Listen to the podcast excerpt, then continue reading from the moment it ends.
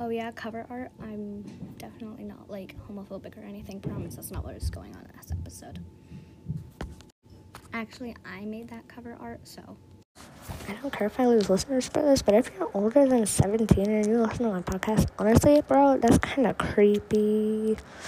Like, I mean, like, yeah, that's kind of creepy. So please don't creep me out that uh, the majority of my listeners are between 39 and 44. No, I don't like that.